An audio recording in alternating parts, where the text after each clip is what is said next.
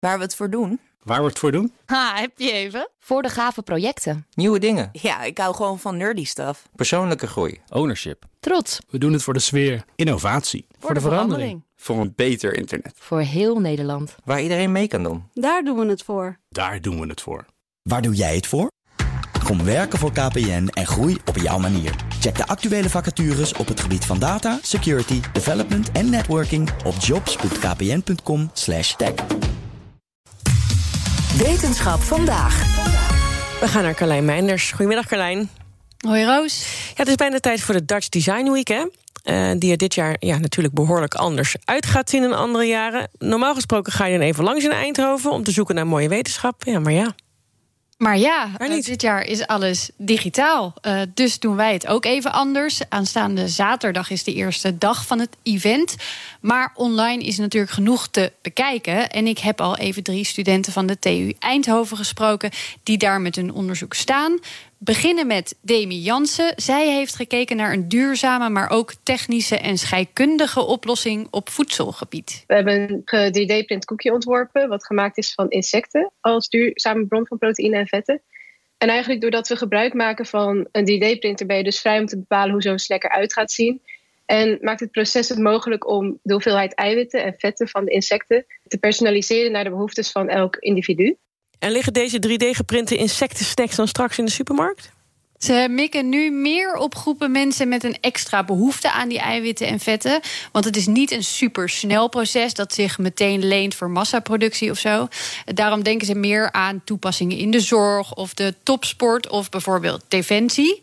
En omdat ze er dus een soort pasta van maken waarmee ze kunnen printen, kun je er echt van alles mee maken. En ook elke smaak aangeven die je wil. Zonder dat je nog moet denken aan die pootjes en die voelsprieten, waardoor mensen het zo moeilijk vinden. nu nog. Uh, dan van de insecten even naar iets heel anders. Want nu we allemaal thuis zitten, betekent dit ook voor studenten dat tentamens vaak vanuit huis moeten. Nou, dan wil je eigenlijk als onderwijsinstelling één ding weten: dat de toets van Pietje niet door Klaasje wordt ingevuld. Ja, dat wordt er wel gecontroleerd, neem ik aan, toch? Ja, Alleen volgens Bob van der Meulen, die je hier net hoorde, gaat dat nu heel onhandig. Dan moet je bijvoorbeeld de hele tijd je webcam aanhouden. Volgens hem kan dat veel prettiger. Wij zijn een, uh, een club studenten die typgedrag analyseren. Dus uh, we kijken niet zozeer naar wat iemand typt, maar naar hoe iemand typt. En dat is een best interessante ja, bron van data. Want uh, dat, dat zegt dus stiekem best wel een hoop ja, over, over die persoon. Uh, zo kunnen we bijvoorbeeld zien aan de hand van typgedrag wie die persoon is. Maar ook of die persoon gestrest is of vermoeid. Of nou, heel boos of heel blij. Ja, en hiermee willen ze dus bekijken wie een tentamen maakt. Ja, met software kunnen ze iemands uh, typgedrag monitoren zonder dat het uitmaakt wat er dan ook echt wordt getypt. Vergelijkbaar met een handschrift bijvoorbeeld of een penseelstreek. Daarbij kijken ze dan hele kleine variaties, wel duizenden, zoals bijvoorbeeld gebruikt iemand vaker de linker of rechter shift toets.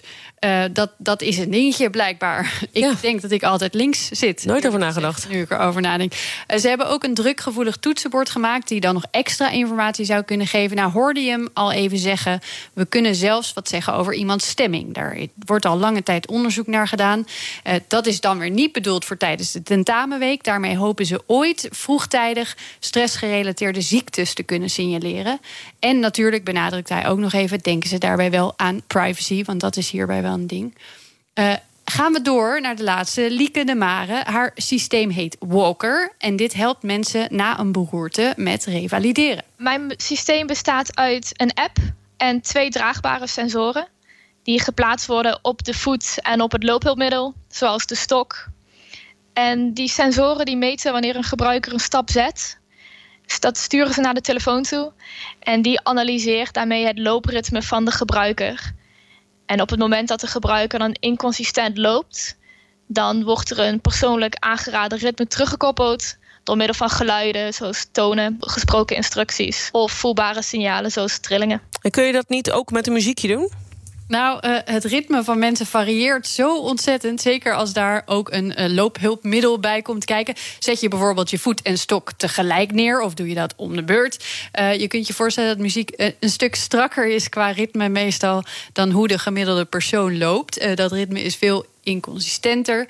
Uh, maar mocht je nou benieuwd zijn naar uh, nog meer van dit soort projecten van studenten tijdens de Dutch Design Week of meer lezen over deze drie, dan kun je even kijken op ddwtue.nl. Carlijn, dankjewel. Bij BNR ben je altijd als eerste op de hoogte van het laatste nieuws. Luister dagelijks live via internet. Bas van Werven. En heel langzaam komt de zon op rond dit tijdstip. Je krijgt inzicht in de dag die komt op BNR, het Binnenhof in Nederland en de rest van de wereld. De Ochtendspits. Voor de beste start van je werkdag. Blijf scherp en mis niets.